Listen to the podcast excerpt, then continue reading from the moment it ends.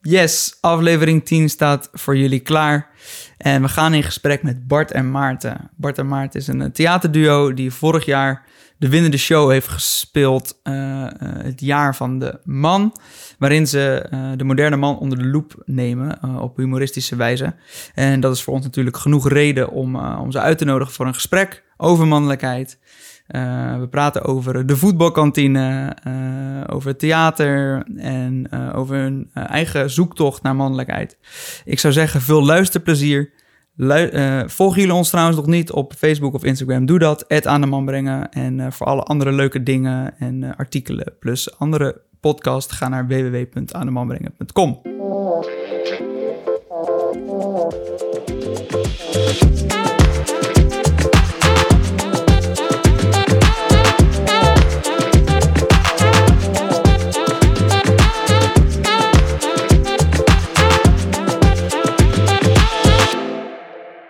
Bart en, uh, Bart en Maarten uh, bij ons in de podcast. Um, ja, we hebben jullie uitgenodigd. Vorig jaar hadden jullie een, uh, een theatertour gedaan. Ehm, het jaar van de man, heette het?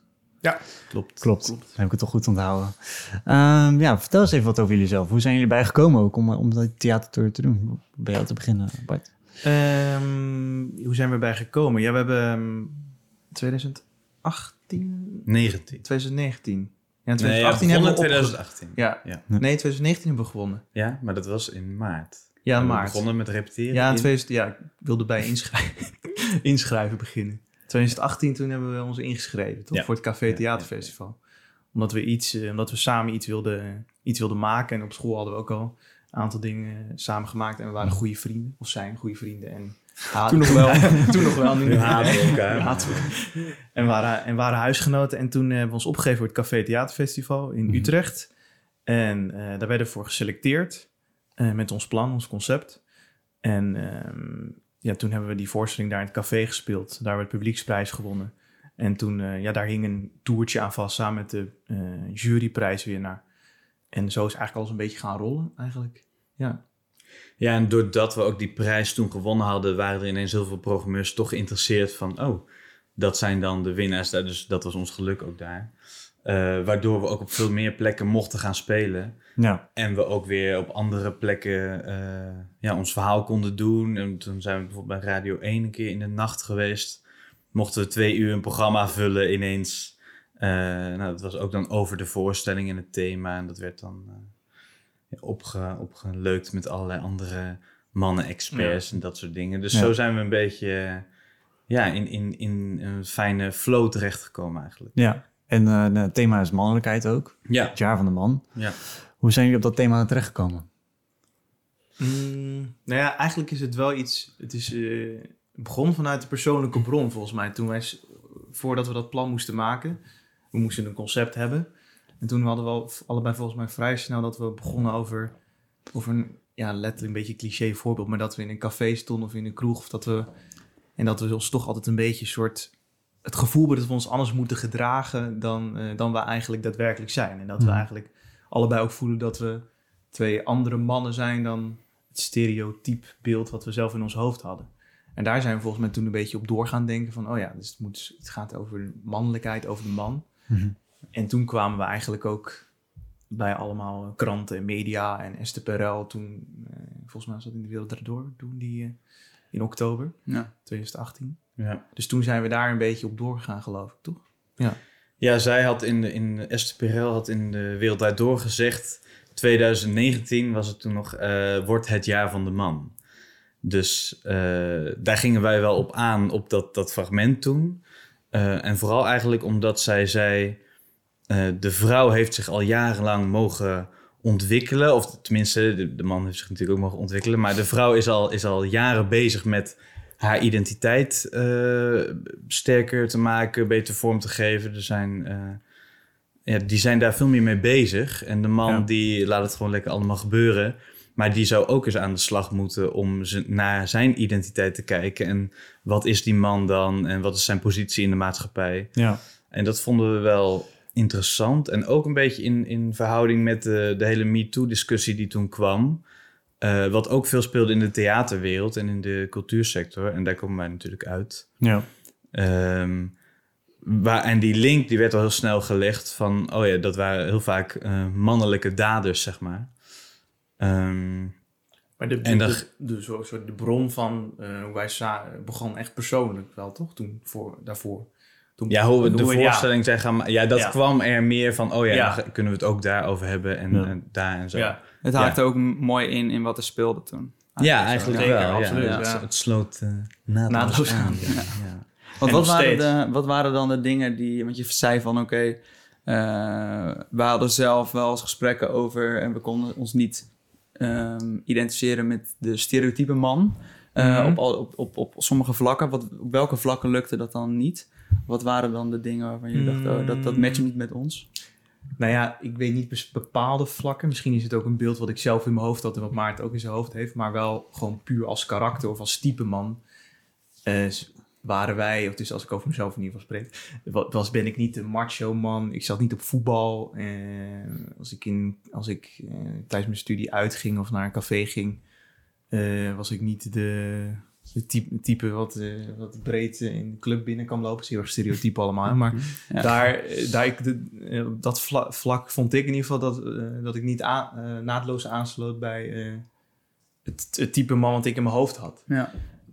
Ja, dat is dus stoer, niet op voetbal kunnen zitten, dat soort dingen. En, Dan wel Ook met theater bezig zijn. maar wel ook met theater bezig zijn, dat Ja. ook. Van musicals houden. Musicals houden, zingen. En toch ook, ik, eh, ik, had, ik, ik, heb, ik heb nu een relatie, maar daarvoor had ik ook niet echt een officiële rela- relatie gehad. Dus ook, je denkt, oh, eh, hij zit op theater. eh, is, is Bart homo of niet, zeg maar. Het is allemaal een beetje dat, dat soort, dat je niet echt, echt in een soort van, oh, ik ben dat type man. Ja. En we zijn allebei een beetje zo, toch. Ja, ik ben dus wel heel erg de En macho Maarten man. is dat ook. dat heb ik geleerd. Ja. Daarom heb ik hier onze broek aangetrokken, toch? Om het een beetje te Dat, koppelen. eh, ja, een beetje te compenseren inderdaad. Ja, ja. Ja. Nee, ehm, ik ben dat ook zeker niet. Maar ik heb bijvoorbeeld wel ook op voetbal gezeten. En ik heb Mm. ook nog een vriendengroep vanuit de voetbal, zeg Ja. maar, vanuit vroeger. En ik vond heel erg, ja, die, die twee werelden vond ik toch altijd wel een soort gek, gek idee dat dat twee hele toch een beetje verschillende werelden zijn. Dat ik mezelf ook toch wel anders gedraag als ik bij die voetbaljongens ben. Mhm. Of als ik bij de theaterjongens ben, zeg maar. Dat is toch wel... Ja, bij de ene gedraag je je misschien onbewust toch iets stoerder... of dan ga je iets cooler praten of zo. En Ja. bij die andere...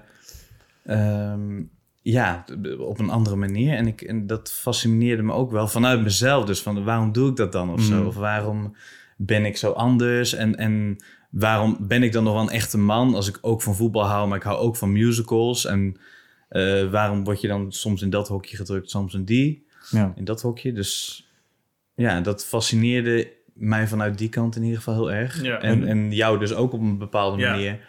En dat is natuurlijk ook spannend binnen theater, hoe je dan weer met elkaar kan botsen op de vloer of zo, met hoe je erover denkt en, en Ja. En hoe gingen dan die jongens bijvoorbeeld uit de voetbalgroep, eh, van je vo- voetbalvriendengroep, en om dat jij ook in die andere groep zat? Nou, eigenlijk eh, wel opvallend positief of zo. Mhm. Ik had zeker vroeger vond ik het echt spannend om bijvoorbeeld een keer met een musical mee te doen, de middelbare school. Toen dacht ik echt, ja, eh, heb ik echt nou, achteraf veel te lang mee gewacht voordat ik een keer echt mee durfde te doen, omdat ik gewoon dacht, ja, dat is niet cool en dan gaan ze zeggen, oh, homo. En dat zou ik niet leuk vinden dan of zo. Nee. Terwijl eigenlijk wat ik merkte toen ik op het eerste jaar op de opleiding kwam, was die voetbalvriendenclub. Die waren ineens ook heel geïnteresseerd. Dus die waren heel erg van, oh, hoe zit dat dan? Ik kwam toen in een huis te wonen met eh, drie homoseksuele jongens. En we woonden met z'n vieren. Eh jij hebt daar ook nog gewoond in het Ja. huis later. Ja. Eh, dus dat was ook gewoon voor mij een, een heel soort nieuwe wereld. Ik kwam uit een dorp en ja, dat is allemaal nieuw. En ik dacht, oeh, dat wordt dan een nieuwe wereld waar ik dan instap. En dan verlaat ik die oude. Maar op een of andere manier vond die oude wereld dat ook heel interessant. Dus al die jongens die zeiden, oh, hoe zit dat dan? En, eh, en die kwamen vaak langs. En dan gingen ze ook met die jongens praten van, eh, hoe is het dan om homo te zijn? En dus ineens was er toch wel een soort interesse. Ja. Terwijl we in de kantine heel vaak, eh oh, is een homo, weet ik veel. Op een negatieve manier eigenlijk. Ja. Maar toch dat de jongens wel dachten, er is iets interessants aan. Ik wil er meer over weten. Hoe zit dat dan? Terwijl jij misschien ook dacht van... Oh, misschien hebben ze wel een oordeel over dat ik Ja. bij die drie eh, homoseksuele Ja, maar dat jongens... viel dus erg, eh, viel dus erg mee. Ja. Nou, wel mooi dat ze er voor open stonden. Zeker. Ik vind het wel bizar dat vaak, vaak dat dan de weerstand zit in je eigen hoofd. Het is vaak groter. Oh, kut, maar moet ik het vertellen? En, en, eh, Ja, in plaats van ja, dat het uiteindelijk valt het reuze mee. Nou ja, en ik kan me heel erg voorstellen dat als je zelf met homoseksuele gevoelens worstelt of zo, dat je dat, dat nog steeds moeilijk kan zijn. Want ik bedoel, de maatschappij is zeker nog niet zo vrij dat iedereen nou eh, helemaal vrij en het uit de kast komen überhaupt is nog een ding. Ja. Of zo. En het verschilt echt wel per plek. Ik bedoel, in Amsterdam en Rotterdam zal het misschien weer makkelijker zijn dan in de Bijbelbelt waar ik vandaan kom. Eh, maar het blijft een ding. En het is niet zo dat het nu, omdat het wat vrijer is, dat ineens eh, dat uit de wereld is of zo. Of dat het allemaal maar makkelijk is. Nee, nee dat, ja, dat vind ik lastig om te zeggen. Ehm, ja, nee, ik vind, en hoe zijn jullie dan verder met het, met het thema aan de slag gegaan als je kijkt naar mannelijkheid? Want ja, MeToo was dan een ding, een onderwerp. Mhm. Wat zijn nog meer punten? Je dacht van, oké, dat willen we ook sowieso sowieso meenemen. Ehm, nou ja, in, eh, vormelijk gezien sowieso ehm, humor en musicaliteit wat we in de voorstelling wilden doen. We moesten een voorstelling van een half uur maken in een café. Dus we hadden dan best wel wat randvoorwaarden waar we aan ons, eh, aan ons moesten houden, zeg maar. Ehm, en, de, en vormelijk wilden we eigenlijk bepaalde scènes en sketches maken, zeg maar. Dus korte spanningsbogen scènes over het thema mannelijkheid. eh. en we wilden ehm, begonnen, en dat is uiteindelijk ook ingekomen met een soort... We begonnen volgens mij ook eens met een soort cursus van ehm, hoe man te zijn, toch? Of toen zijn we uiteindelijk een soort halverwege uitgekomen dat we dachten... we gaan een soort cursus maken aan de hand van de drie K's. Kracht, Oh, ja, ja, ja, kwetsbaarheid en karakter. Ehm, van hoe wij dan denken dat, dat je man moet zijn als twee jonge Ja, wij jongens. hebben een tijdje onderzocht wat nou de moderne man anno Mhm. 2019, 2020 Eh, is. gespeeld natuurlijk. En dat gaan we jullie nu uitleggen. Maar halverwege kom je natuurlijk zelf achter dat je het ook niet precies weet. En Nee. ja, wie weet het nou precies? Er is geen eh, definitie nog per se En we voor. kwamen erachter dat als we dat een beetje gingen onderzoeken, dat we dan een soort van echt twee leraren werden die vertelden hoe het moest. Terwijl wij Mhm. allebei ook niet, pers- we hadden niet het kant-en-klare antwoorden op van, oh, dit moet je doen.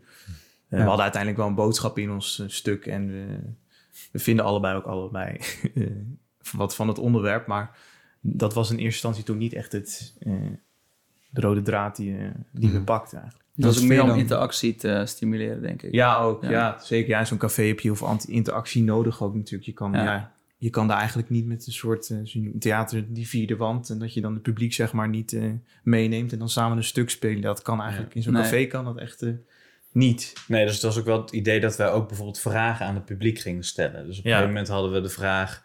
eh, dan vertelden we allebei een kwetsbaar verhaal... dus waar we ons kwetsbaar voelden als man. En dan ging het publiek, eh, vroegen we dan van... heeft u zich wel eens onveilig gevoeld als man bijvoorbeeld? En dat is wel grappig...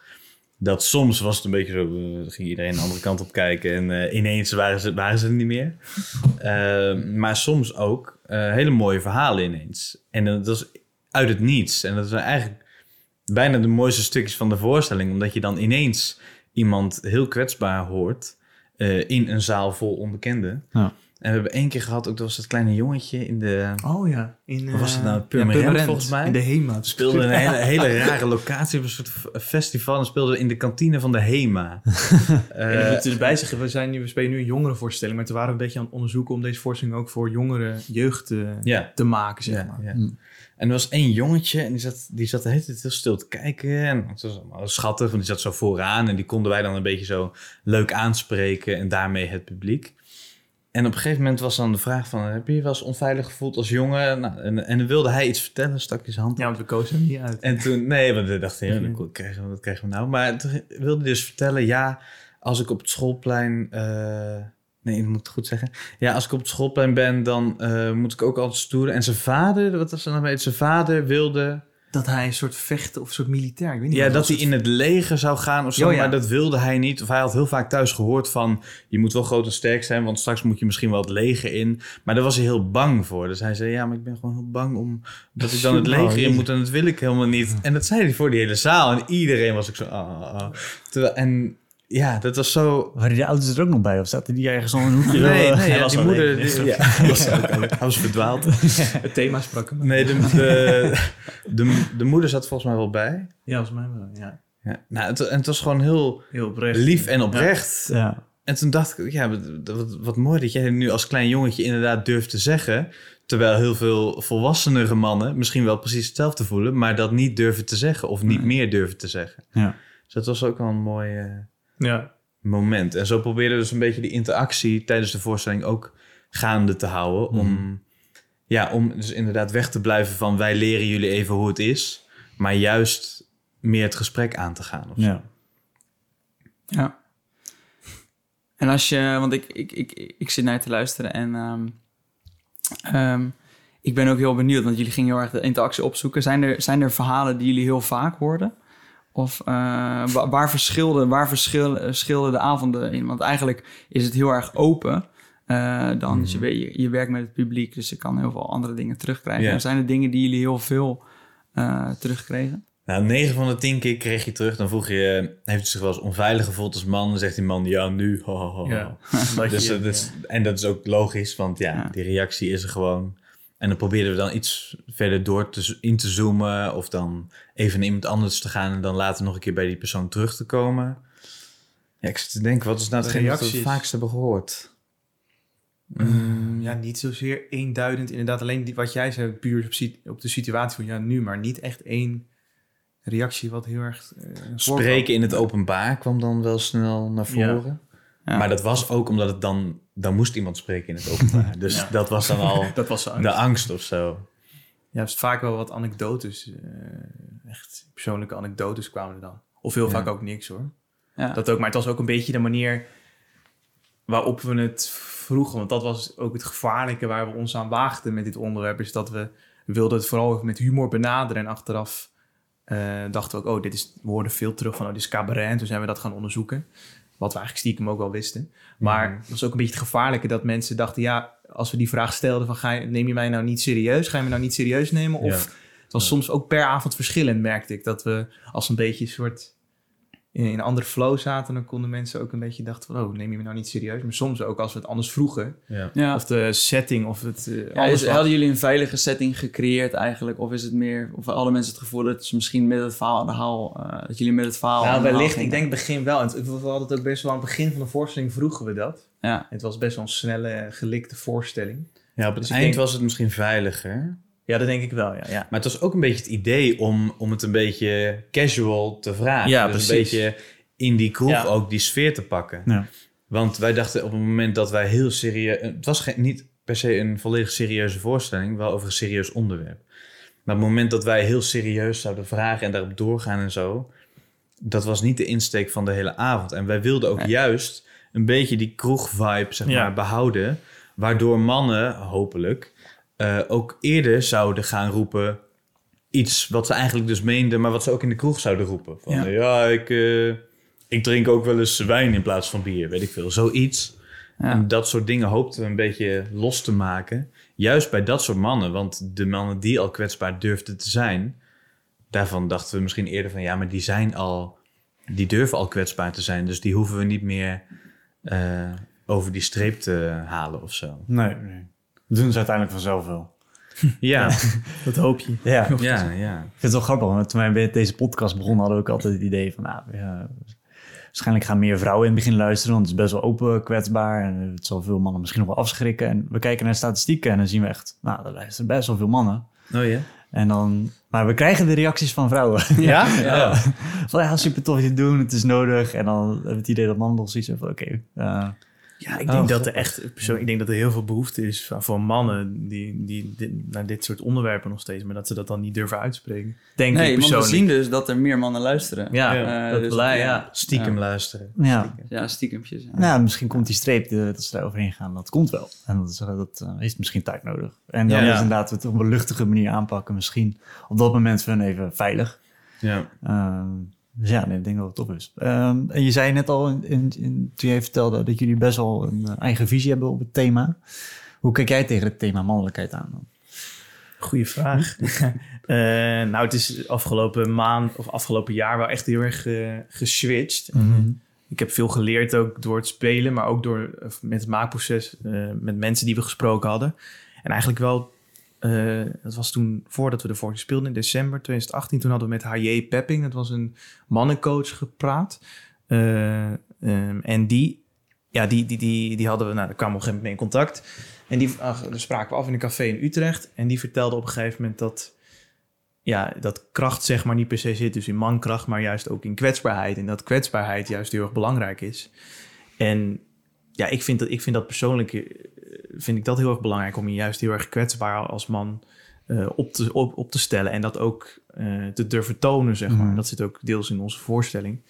Ehm, ja, ik merk toch, ik, ik merk het toch vaak om me heen dat, dat, dat dat toch een soort taboe is. En dat bij mannen dat eigenlijk niet mag. Of dat je dan snel toch gay gevonden. Ja, een beetje Ja. de stereotype dingen allemaal. Maar waar jullie vast ook van gehoord hebben. Maar dat je daar, dat je dan, ja, dat je daar een oordeel over krijgt van andere mannen. En eh, En dat was vind het ik... dan- Was het dan voordat je eh, met het theater toe begon, was het bij jezelf toen nog een taboe? Of, of was je zelf al wel meer open over en meer bewust van dat je misschien... Nou, ik was het, als persoon ben ik sowieso best wel open en ook heel gevoelig. Maar ik denk dat ik wel door, door, de, door deze voorstelling... Ik moet die lachen. door deze voorstelling wel meer bewuster ben gaan worden van... Oh ja, dat, dat, dat soort... Zo'n persoon ben ik, zeg maar. Ja. Dus dat ik het ook beter nu van mezelf misschien begrijp. En ook, ook beter naar buiten durf te treden met eh, dat soort gevoelens, Ja. denk ik. Ja. En heb je dan nu ook dat je eh, jezelf meer bevestiging hebt in dat je zelf ook mannelijker bent eigenlijk dan dat je al eerder dacht? Ehm, ja, misschien dat ik ben dat op nu wel zeg maar. Daarvoor dacht ik voor de voorstelling ook en misschien tijdens de opleiding ook wel. Dat ik dacht, oh ja, ben ik dan wel? Misschien ben ik dan toch niet zo mannelijk Hmm. genoeg. Maar ja, ik, ik weet ook niet. Dat is ook waar wij de hele tijd mee ons afvragen. Wat is mannelijkheid? En jullie natuurlijk ook. Wel, Ik bedoel, dat is natuurlijk niet één definitie daarvan. Maar dat dacht ik misschien voor de voorstelling. Dacht ik dat meer van, oh ja, Ja. toch dat stereotype beeld. En nu eh, ja, gedurende wat, ik, eh, wat we gespeeld hebben, maar ook je wordt ouder, zeg maar, denk je, oh ja, dus het is veel meer dan alleen maar eh, een stereotype beeld wat je in je hoofd hebt, zeg maar. Ja, je zegt ook van eh, dat in kwetsbaarheid natuurlijk ook die kracht zit. En dat je dat oordeel nu eigenlijk, oh, dat, dat heb je nu zo uitgelegd voor jezelf. Terwijl je misschien eerst dacht van, Ik oh, ik ben heel gevoelig. Ja, En eh, is dat wel mannelijk? ja precies. Ja. Ja, Ja. absoluut. Dat het Terwijl er daar niet- komt misschien heel veel moed bij kijken. Absoluut. Ja. Ja. ik denk dat wel, ja. Dus dat vind ik wel, kwam zo mannelijkheid denk ik wel, ja. Als, je, als het iets moet typeren of waar het aan moet voldoen, vind ik ook wel dat je, ja, kwetsbaar moet Ja. durven zijn eigenlijk, ja. Ja. En hoe komt dat eh, thema terug in de, in, de, in, de voor, in de voorstelling? Je zei, eh, dat probeerden we ook wel in de voorstelling eh, terug te laten komen. Eh, hoe, hebben, hoe hebben jullie dat gedaan? Nou, we hadden dus sowieso wat we zeiden, we hadden de drie K's, die hebben we wel gebruikt. Dus dat was de kracht, kwetsbaarheid en karakter. Ja. En die kwetsbaarheid ehm, zat hem in onder andere dat we een soort kwetsbaar verhaal, kwetsbaar verhaal persoonlijk verhaal vertelden. En ik denk dat achter, achteraf ook wel de kwetsbaarheid zat in hoe wij, oh, sorry, hoe wij, er, hoe wij ermee omgingen, zeg maar. Of hoe wij zelf als performer stonden te spelen. Eh, we zijn allebei, ja, dus zat, jouw vader zei laatst toch over ons dat we een soort van charmante onhandigheid hadden als spelers. Dat was over jou. Was over over mij. Oh, helemaal nemen, die credit. oh oké. ik dacht uiteindelijk dat hij dat samen. maar dat we een soort charmante onhandigheid hadden. Ik denk dat we daar, dat daar ook een soort bepaald soort kwetsbaarheid is. Dat hoe we het overbrachten en ehm, ja, hoe we het eigenlijk overbrachten eigenlijk. Ja. En naast die kwetsbare verhalen en ehm, ja, Luchtig ook. Ja, Wat ja, ook lucht, belangrijk ja, is, dat zo, ja, ja, ja. Ja. Maar ook daarentegen natuurlijk ook weer lastig, want ja, dat luchtigheid en dan toch een serieus onderwerp, dan kunnen ook mensen op een gegeven moment ook denken, ja, eh, ja, ik vind het niet serieus genoeg. Maar ja, dat was niet onze insteek. We wilden juist sinds een café iets, Ja. Dat, dat het iedereen aansprak en ook niet zo heel erg diepte inging, waardoor mensen normaal stamgas dachten, ja, pff, hier heb ik geen zin in, dat eh, abstracte gedoe of zoiets dergelijks. Ja, ja. Even heel gechangeerd allemaal. Ja. En Maarten, hoe kijk jij tegen het thema? Mannelijkheid. Tegen mannelijkheid. Ja. Eh, nou, ik... ehm, ja, dat is ook wel echt in de afgelopen anderhalf jaar... Nou, gewoon veranderd. Of tenminste, ben er gewoon veel bewuster van geworden... Mhm. van wat het allemaal kan zijn. Ik denk heel erg... Nou, we hebben laatst we hebben een nummer opgenomen... eh, Boys Will Be Boys. En daarin denk ik... Daarin gaat het over echte mannen zijn overal. En dat is wat mij betreft ook een beetje de kern van wat we de eh, afgelopen anderhalf jaar hebben onderzocht. Eh, dat echte mannen of mannelijkheid, dat dat overal in kan zitten. Dus wat mij betreft is een homoseksuele man of een man die op ballet zit niet minder man dan een man die eh, bier drinkt en eh, voetbal kijkt. Omdat er dus ook mannen zijn die op ballet zitten en bier drinken en voetbal kijken. En ja, Ja. wat mij betreft is dat dus niet... eh, al die externe factoren zijn wat mij betreft geen... eh, ja, geen... Criteria. geen- nee, geen criteria voor mannelijkheid. Eh, ik denk wel ook dat de moderne man... Ja, kwetsbaar ehm, moet nou ja, moet zijn, weet ik niet. Op het moment dat je daar klaar voor bent of zo, vind ik dat een krachtig ding eigenlijk. Om kwetsbaar te durven zijn.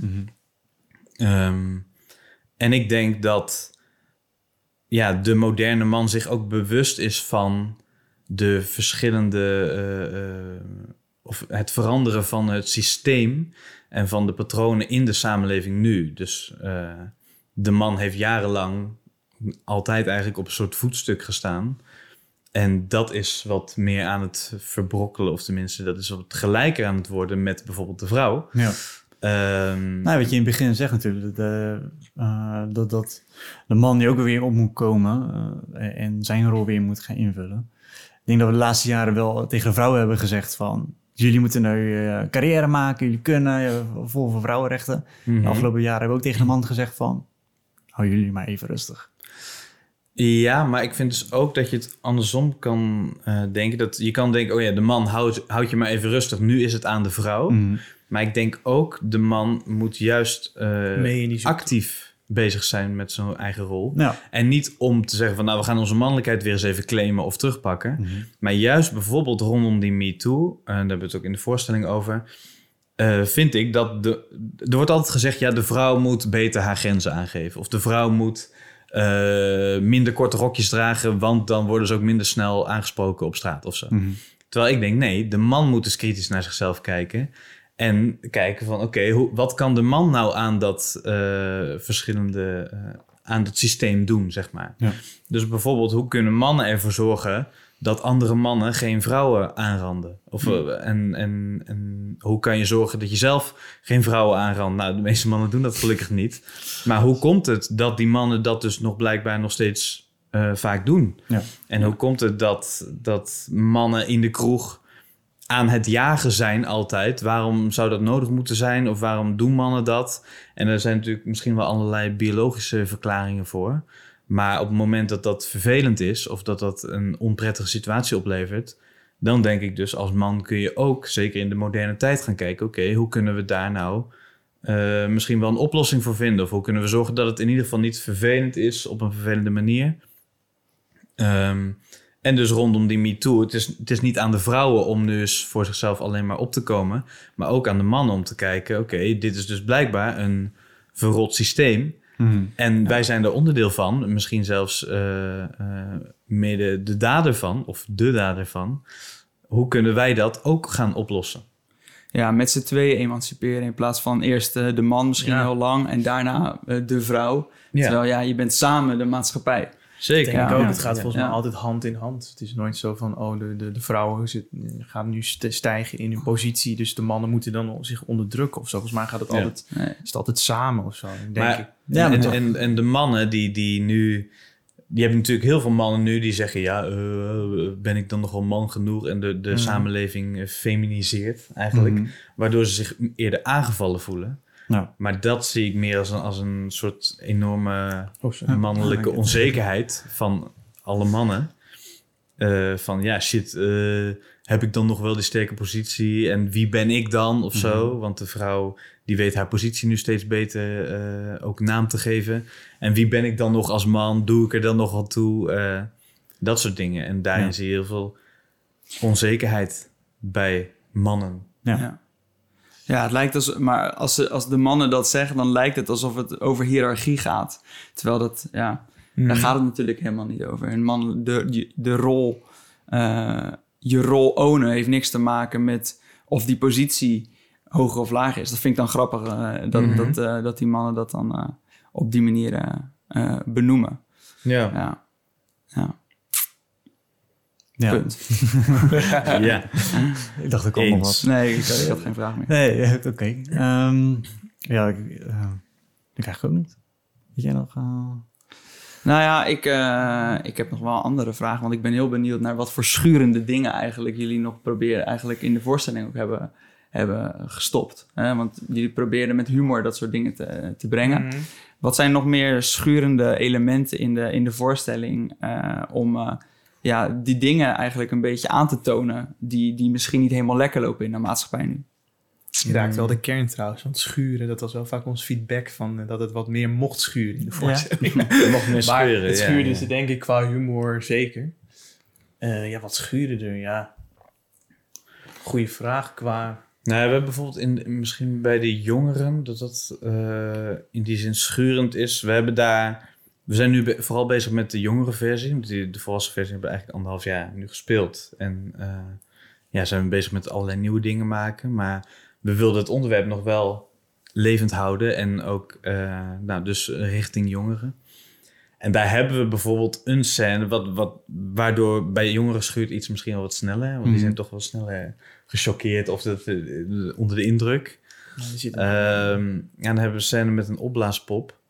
Eh, en met Freek Vonk, die de opblaaspop opnieuw gaat ontdekken als zijn de, de vrouw in, in, in de natuur.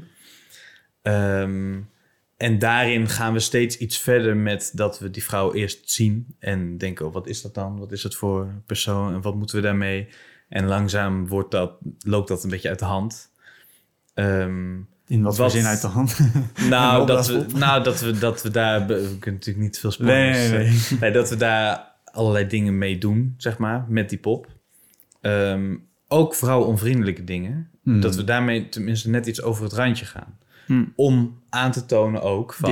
Oké, waar ligt dan die grens? Hmm. Of waar- Eh, dit Vinden kan jullie, dus niet. Vinden jullie dit oké? Of wat? eh? Ja, Ja. En, en dat merk je dus in het publiek dan ook van... Eerst is lachen. Het is gewoon lachen en oh ja, oh, dan gaan beginnen ze een beetje zo... Nou, ja, het is heel lastig om een scène uit te leggen. zo. Ja, ja, ja. Maar oh, dan gaan ze er bijvoorbeeld mee overgooien. Nou, dan is het nog grappig en het blijft allemaal een grapje. En eh, totdat het ineens te ver gaat. En dan voel je ook een soort van... Dan blijven de mannen, e- de jongens eerst nog een beetje lachen. Van, oh, oh, oh, grof. Nou, oh, dat kan echt niet. En de vrouwen zie je dan al een beetje eigenlijk in kijken de van... ogen zie je al, zie je al van, nou, ik weet niet, vind ik dit oké? Dan Ja, ja, zo, ja. oh. Bij die meiden om me heen van, kijken, vind ik dit oké? En dat zien we ook weer als een soort situatie zoals het in de kroeg misschien ook gaat, weet je wel. Eerst is het zo een beetje met die vrienden aftasten en dan stapt er eens één op af. Oh ja, en dan heb je wat meer gedronken en dan, oh, zie je die? Oh, dat is wel eh, Ja. een lekker ding. Nou, dan ga ik eens op de billen slaan. Oh, kijken wat er gebeurt. Oh, er gebeurt nog niks. Nou, weet je wel, zo, op zo'n manier zijn er natuurlijk ook veel mannen die daar gewoon nog steeds eh, zo met vrouwen omgaan Hmm. en zo naar vrouwen kijken. Eh, en dat wilde dus een beetje die grens opzoeken, ook bij de jongeren dus, om te kijken van nou, Ja. niet van nou, eens even kijken wanneer die jongeren eh, zeggen dit gaat te ver, maar meer eh, ja, in die zin ook een spiegel voor hun eigen gedrag voorhouden. En dat Ja. zie je dus echt in het publiek. Eh, steeds verder, steeds meer mensen die denken, oeh, dit gaat nu wel te ver, dit is niet Ja. meer leuk. Nee. En, dat hebben we dus ja. ook teruggekregen. We hebben getry-out op middelbare school. En dan kregen we zo'n CKV-verslagen terug van die leerlingen. Ja. Wat erg confronterend was Ja. en erg pijnlijk soms. Kinderen Ook, zijn net iets eerlijker dan uh, ja, volwassenen. zeker. Omdat ze het allemaal anoniem, dan, eh. eh, anoniem inleveren. Dus er waren wel ook ik heb heel veel positieve dingen gekregen, gelukkig. Hmm. Maar ook inderdaad kinderen die zeiden... nou, ik vond hem met die pop vond ik verschrikkelijk. Ik vond het zo vrouwonvriendelijk. eh, Ja. Dit kun je niet maken. En ook reacties van meisjes juist, wat heel goed was. Ja. Vond ik juist, omdat Ja. we toch vanuit een mannelijk oog het maakten. Maar dat ook hoeveel Ja. vrouwen eigenlijk naar deze voorstelling keken. Ja. Want we wilden natuurlijk ook, we willen ook met de volwassen voorstelling wilden we uiteindelijk wel, in eerste instantie dachten we alleen voor mannen. Maar uiteindelijk wilden we een voorstelling voor mannen en vrouwen maken.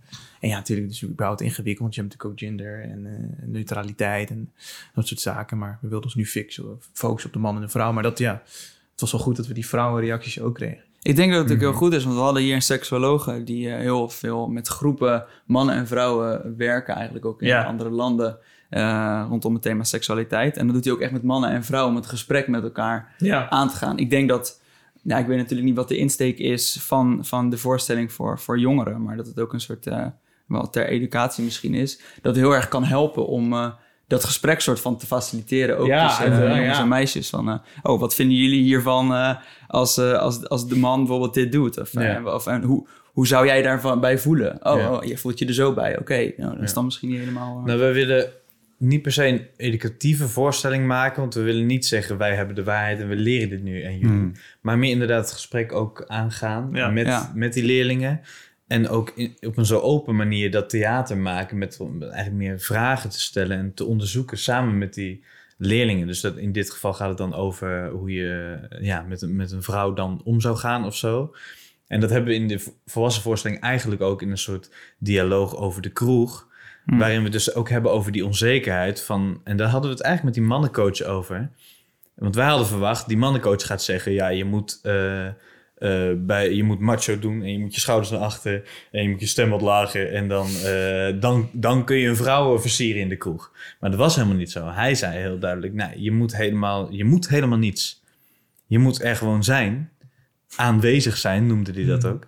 Je moet aanwezig zijn. Zodra jij gewoon aanwezig bent in die kroeg... dan komt de vrouw misschien wel op jou af. Of niet. Eh, maar je hoeft niet dingen te gaan doen of zo. Of je hoeft niet Ja. op haar af te stappen. Je Hoe hoeft meer je mannelijkheid te bewijzen... van kijk mij eens even. Dat hoeft helemaal niet. Hm. En dat we dus vaak gezien hebben... oh ja, vanuit die onzekerheid gaan die mannen dan toch zichzelf bewijzen. Misschien wel tegenover hun vrienden, maar ook tegenover die vrouw dan. Van kijk mij eens staan hier. En, eh, en soms in, in een veel verder stadium gaat dat zelfs richting... eh, nou, bijvoorbeeld aanranding is daar een vergevorderde... eh, hoe noem je dat? Stadium. Ja, van, van die onzekerheid die zich zo extreem moet bewijzen dat je dus dan maar eh, eh, iemand eh, tegen haar, zijn of haar wil aanraakt, bijvoorbeeld. Ja, nou ja, het- ik, on- misschien is het een stuk bewijzen, misschien ook een stuk so- sociale groepsdruk. Want ja, mis- misschien komt het ook wel voor nog steeds bij jou in de voetbalkantines. Dan merk je Mhm. dat ook nog wel, dat, dat daar de dynamiek anders is? Of dat je daar nu meer een andere rol in neemt als zij, als die gasten misschien daarin ongepast gedrag vertonen? Of ik daar dan een andere rol in zou Ja, of dat je er wat- nu wat van zegt eerder. Of, eh, Eh, nou, weet ik niet zo goed. Ja, ik kom sowieso niet zo vaak in de voetbalkantines. maar als ik met dat soort jongens ben... ehm, nou, ik ben niet per se de persoon om dan te zeggen... Hé hey jongens, eh, dat zou top zijn. nu zeggen jullie lekker wijf. Ja. En dat mag je niet zeggen, of zo. Dat zou ik niet... ik zou het op zo'n toon ook niet zeggen. Nee, nee. niet zeggen. Hoe zou jij dat zeggen? ik zou het heel met een vingertje er ook bij. Vingertje erbij. Wacht eens even. Nee, maar ik, ja, ik, zou wel, ik had gisteren toevallig die... eh, ik had die helemaal niet gezien. eh, Die documentaire van Sunny Bergman nog even gekeken. Naar aanleiding toen je...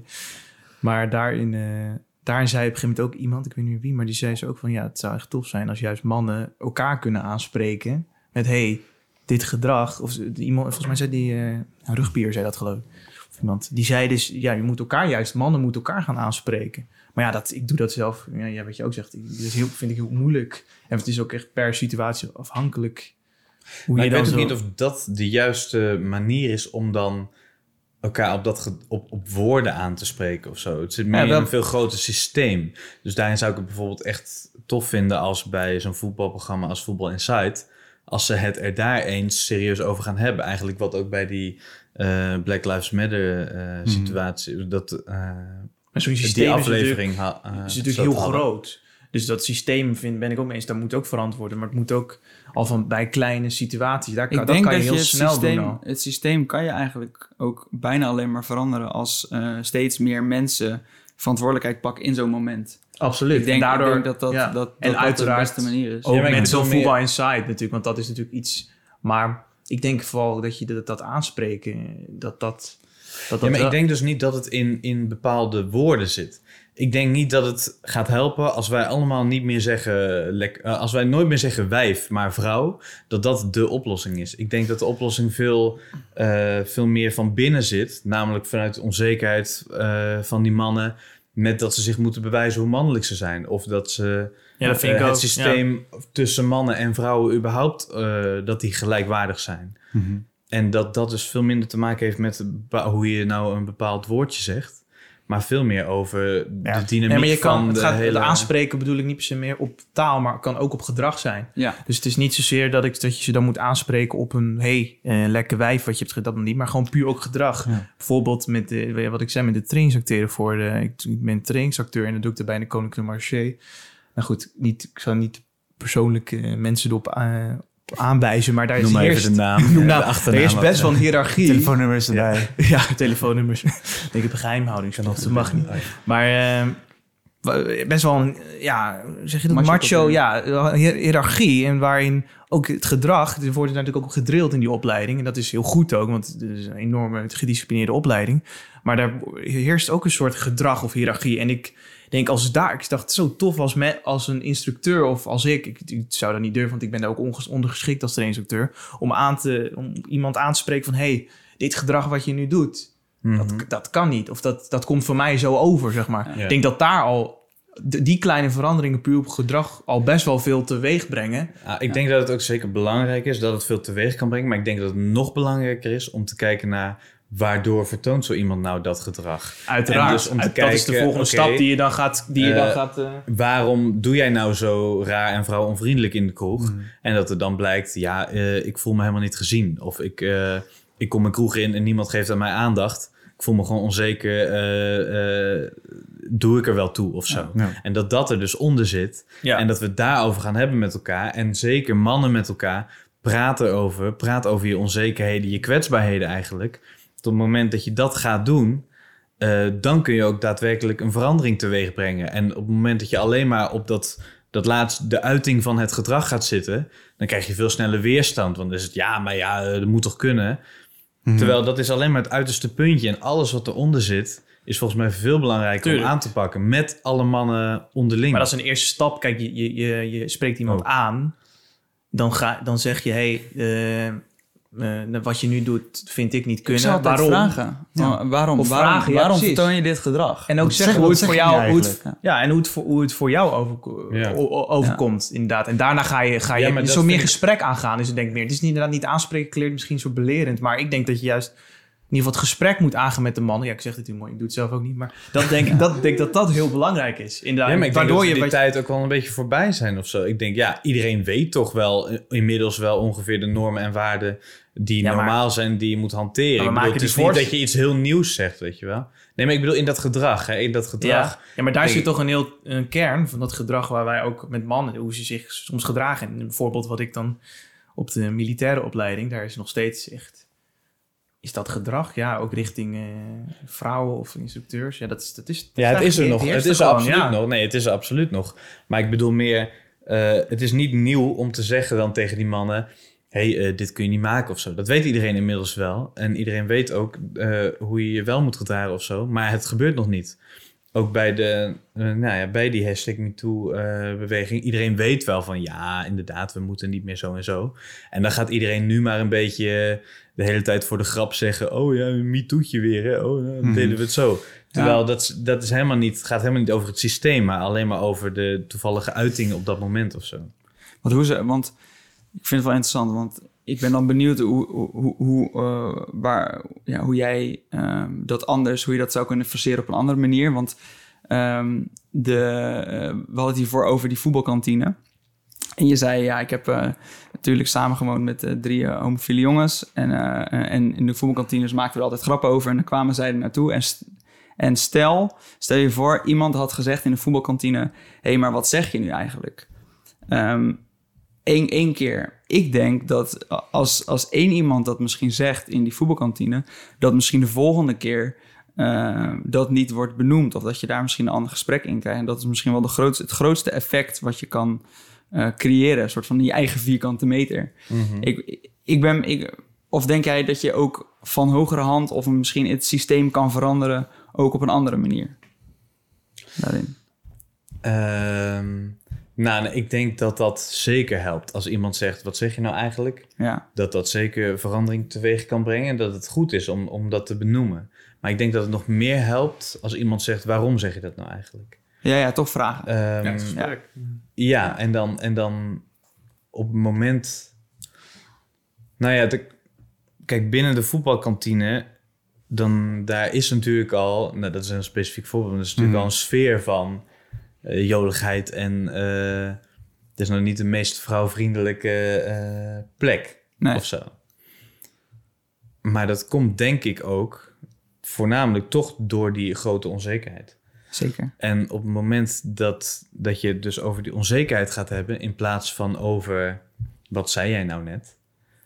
Eh, dat dat nog veel groot, dat dat veel meer over het systeem gaat. En dan bedoel ik niet van de overheid moet eh, onzekerheidscampagnes doen, nou misschien ook wel, maar meer over dus gaan met elkaar het erover hebben waar het wat er onderhuids In de kern. leeft Mm. of zo. Over de kern hebben inderdaad.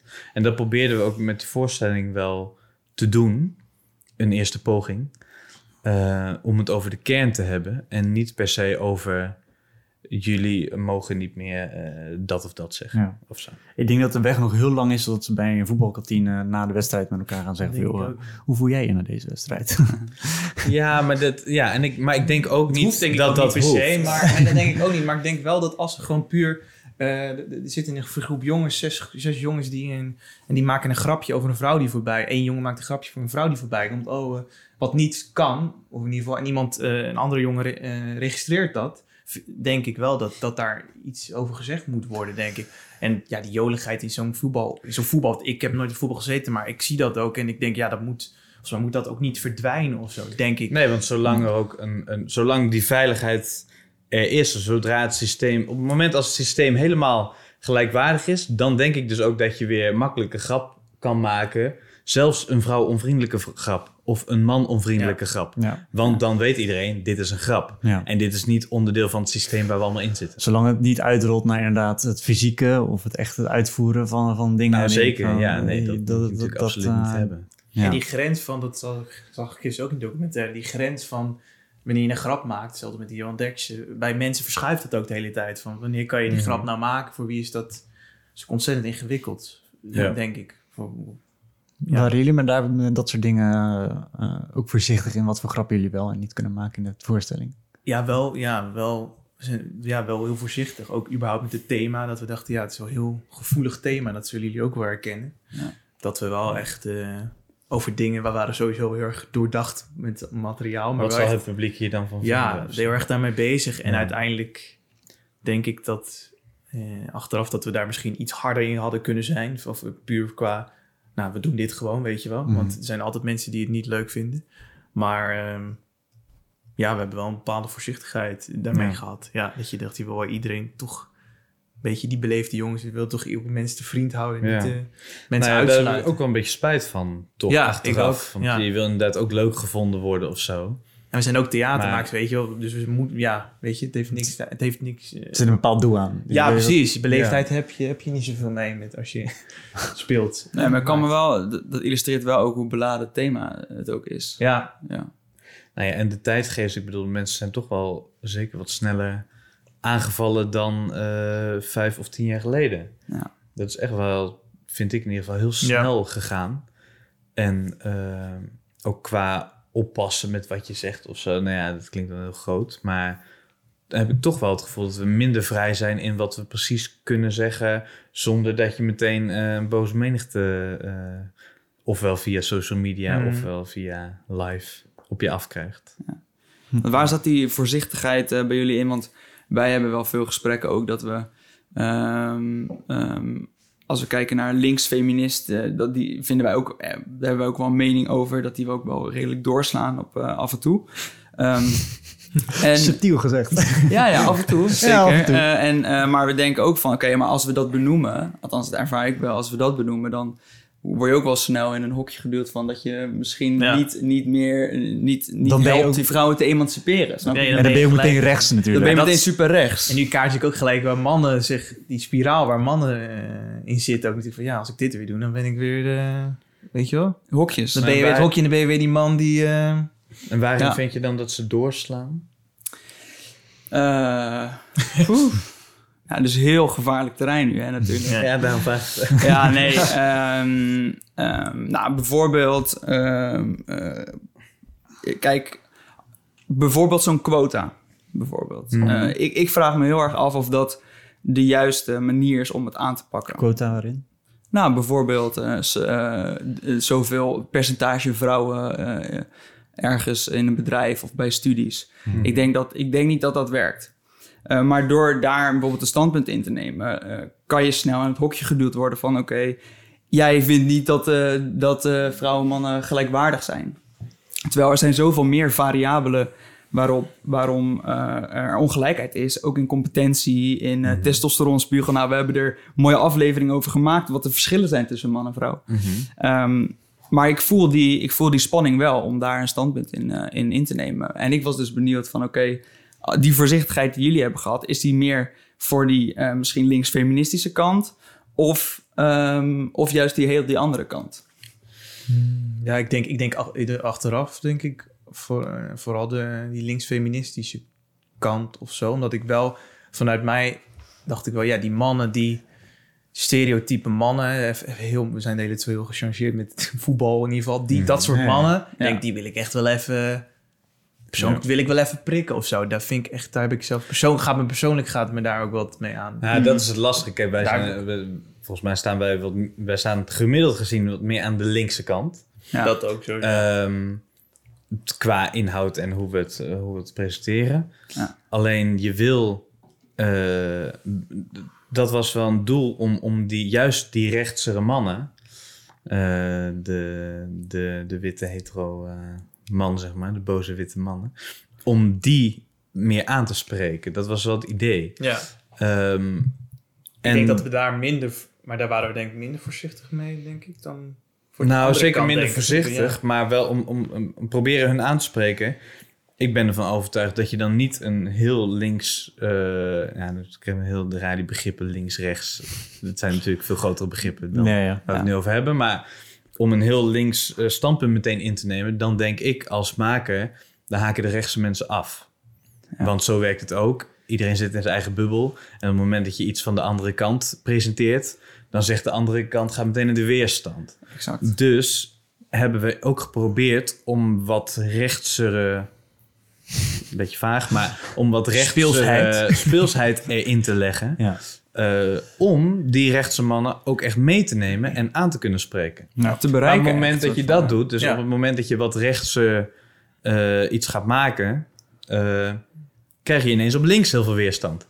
Dus zit je ineens een soort tussen twee, uh, tussen twee wallen in, zeg maar. Ja. Waardoor je eigenlijk bij de linkse groep hoort, maar je wil de rechtse groep aanspreken. Waardoor je iets naar rechts buigt. Waardoor links zegt: hey, uh, hoezo boys will be boys? Uh, wat is dat voor raar achterhaald titel van je nummer? En dan zeggen wij nee, maar als je het nummer luistert, dan gaat het dus over dat alle mannen echte mannen zijn. Dat we het, de, de, het begrip moderniseren. Ja. Maar dat hoor je pas als je een minuut hebt geluisterd. Hmm. En als je daarvoor al bent afgehaakt, uh, dan denk je dus, ja, dat zijn rechtse jongens die dat oude statement weer eens nieuw leven in willen blazen of zo. Ja, en dat is ook gewoon, ik wil ehm, niet zeggen dat links verder is dan uh, rechts. Maar daar is, mensen zijn ook, de een is meer ontwikkeld dan de ander natuurlijk. Nee, in het thema. Het dialoog ertussen, dat ontbreekt. Uh, Ik mhm. vind het zelf wel heel lastig als je, bijvoorbeeld nu ook, weet je,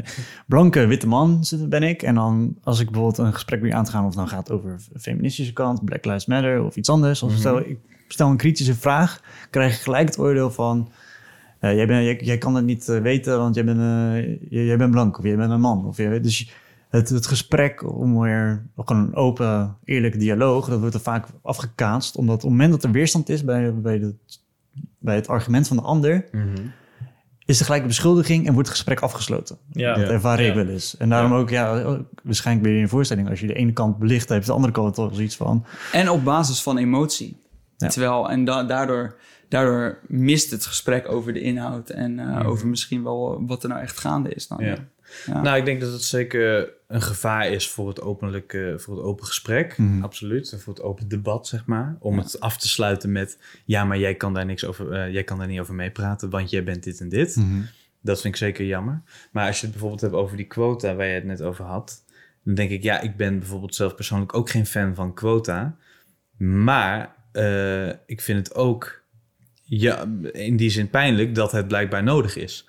Want alle dingen die hiervoor hebben geprobeerd om wat meer vrouwen bijvoorbeeld op uh, hogere functies te krijgen of daar meer gelijkheid in te krijgen, mhm. hebben ook niet gewerkt. Uh, dus wat er dan wel precies zou werken, weet ik niet. Maar ik vind het dus ook aan de mannen een taak om meer gelijkheid te krijgen, gelijkwaardigheid in ieder geval, tussen mannen en vrouwen. Mm Vind ik ook een taak van de mannen. En de mannen hebben, zich, hebben daar wel echt iets laten liggen. Eh, waardoor er nu misschien grotere feministische bewegingen zijn. Mm, En dan kun je als man denken, ja, maar dan ben je heel extreem meteen. En Mhm. dan, eh, maar dan denk ik aan de andere kant, ja, maar de man, kom zelf dan eens in beweging of zo. Want jullie zien toch ook dat het systeem eh, niet gelijkwaardig is. Ja, het, het, het blijft lastig. Kijk, of het nou gaat over eh, huidskleur, eh, Mhm. geslacht. Uh, het zijn heel vaak thema's die belicht worden en dat krijgt dan de schuld. Maar wat Thomas ook zegt, het zijn natuurlijk veel meer domeinen die, uh, die dingen bepalen voor jou in bijvoorbeeld Mhm. succes of andere dingen. En daar liggen pijnpunten. Of je knap bent. Of je, weet ik veel, goed door je woorden komt. Of door je, ja. Ja. Het zijn zo, het zijn, ja. Het zijn, Nou ja, eh, en dat zien we dan wel dus wel eens bij die... eh, de, het, het lijkt natuurlijk een beetje zo alsof de, de witte hetero man... eh, alles positief in zijn leven heeft. En die heeft misschien gemiddeld gezien ook een voordeel op andere mensen. Of zo, als je het helemaal statistisch gaat bekijken Ik naast elkaar. ja. Dat denk ik ook zeker. Maar aan de andere kant zijn er natuurlijk heel veel eh, witte hetero mannen die nu denken... Ja, hallo, eh, ik ben eh, lelijk. En eh, mij lukt het nooit om, eh, om eh, daar iets succes in te krijgen of zo. Of, oh, ik moet nu dus blijkbaar succesvol zijn vanwege mijn huidskleur of mijn geaardheid. Maar het lukt mij al jaren niet en ik ben ook ongelukkig, weet ik veel. Mhm. Dus die schijntegenstelling moet er natuurlijk ook niet zijn. Ja, en je duwt ook dus die minderheid heel erg in, in, in het hoekje van jij, jij, jullie hebben het zwaarder dan. En ik ben ook heel erg Mhm. benieuwd altijd van wat doet dat met zo'n persoon als jij het idee hebt dat je al minder kansen hebt? Hoeveel verantwoordelijkheid ga jij pakken om misschien een verandering? Dat vind ik ook een hele interessante discussie. Ja, absoluut. Ja. Ja, en maar ook, dat vind ik dus het lastige eraan. Ja, als vrouwen inderdaad, of vrouwen hebben in de geschiedenis zeker een lagere positie gehad. Mhm. En, Zeker. en nu wordt dat gelijker, maar is het nog steeds niet gelijk? Ik bedoel, je hebt eh, bijvoorbeeld, eh, weet ik veel, inkomensverschillen of eh, salarisverschillen überhaupt nog op veel plekken tussen Ja. mannen en vrouwen. Dus er is geen 100% gelijkheid. En ik kan me dus moeilijk voorstellen, ik kan me iets bij voorstellen, maar als ik een vrouw was, zou ik daar ook- even flink boos om worden, ja. Hmm. Zeker. Maar dat, dat- ik vind het dan wel grappig. Boos worden is dat één ding. We hadden toevallig... eh, volgens mij was het met Mark Siegbeek, toch? Die zei van, joh, eh, eigenlijk waar het aan ligt... ehm, eh, het, is, het is niet dat er bewust wordt gekozen dat mannen meer betaald krijgen. Mhm. maar mannen onderhandelen beter. En dat zien ze gewoon. wat bij het bedrijf. De directeur had gezegd van, nou, je, bij mij kan het niet voorkomen. Dus die HR-manager moest alles uitzoeken hoe het zit met salarissen. Ja, women are more agreeable, zegt Jordan Peterson. Dat is ook gewoon wetenschappelijk bewezen. Dus als je more agreeable bent, dan ga je eerder ja zeggen, bijvoorbeeld. Nou, dat zijn allemaal variabelen. Wat je eigenlijk niet wil horen, om, omdat je natuurlijk dingen gelijk wil trekken. Maar, het zijn, maar daar wordt in de discussie geen rekening mee gehouden.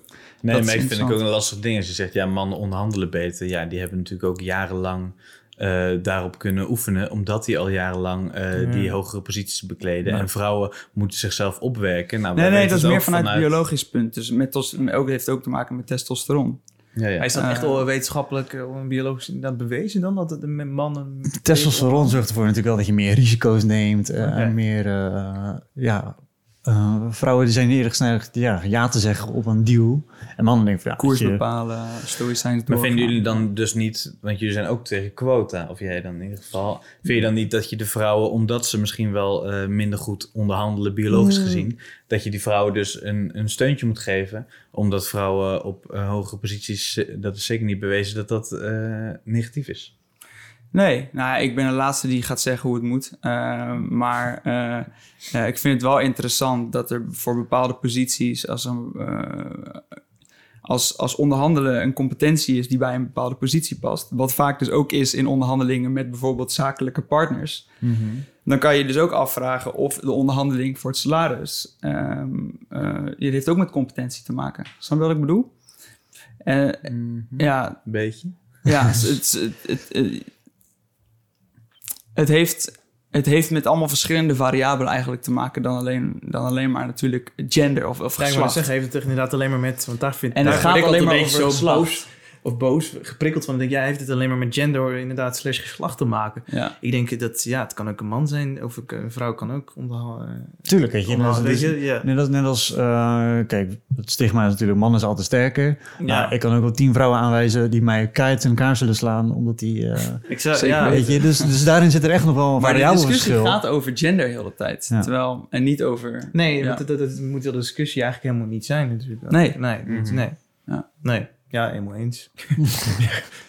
ja. Maar goed, ja, als je dan kijkt naar een quota, eh, dat is gewoon in sommige domeinen lastig. Eh, als je bijvoorbeeld kijkt naar, naar ehm, en, en het lijkt er ook op, en dat is misschien mijn beeld, dat, dat die, die quota's worden alleen gehanteerd in, in, in organisaties, bedrijven waarbij de mannelijkheid heerst. Dus krijg je bijvoorbeeld naar een bouwbedrijf waar alleen maar ingenieurs werken. Mhm. Ja, daar, weet je, het, het is gewoon mannen die studeren dat en die zijn misschien Ja. handiger. Eh, Ja. Dus als je daar een quota in gaat voeren, wordt er dan nog wel beoordeeld op competentie of wordt er Ja. dan beoordeeld op geslacht? Ik denk dat dat ook een verkeerde verschuiving is. Als je dan Yes. kijkt naar, eh, oké, we moeten meer vrouwen in het bedrijfsleven. En dat, moedig ik ook zeker aan dan. We moeten ook meer vrouwelijke loodgieters hebben. We moeten ook meer vrouwelijke vuilnismannen. Ja, En als ze er zijn, prima. Maar dan moet het over nog wel gaat. natuurlijk... eh, Ja. ja, het moet nog wel even goed zijn. Ja, nee, niet- natuurlijk om de niet- absoluut. Oh, Ja. jij bent een vrouw, dus ja, ga maar Ja. dan. eh, Maar ja, dat is, doen. dat is Ja, ik moet volgens de quota eh, nog tien vrouwen aannemen. en jij bent er nu één, dus ik neem je maar aan. Ja. Ja. Nee, dat moet het natuurlijk absoluut niet zijn. Maar ik denk dat iedereen het daar ook wel over eens is. Maar ehm, ja, vrouwen mooi moeten ook de kans krijgen om hun kwaliteiten daadwerkelijk Tuurlijk. te kunnen laten zien. Ja. En ik bedoel, dat is nu de afgelopen tien jaar misschien wat meer, waardoor je denkt, oh, het is helemaal gelijk. Terwijl Mhm. in de hele geschiedenis is natuurlijk absoluut niet het geval geweest. Eh, vrouwen hebben bijvoorbeeld veel later stemrecht gekregen, allemaal dat soort dingen. Ja. Dus die lopen in die zin nog gewoon best achter eh, op wat mannen allemaal al... Die hebben allemaal een positietje, hebben ze mooi eh, bekleed en die zitten prima, die zitten lekker. En die vrouwen moeten zich opwerken in die zin. Ehm, dus denk ik ook dat, dat...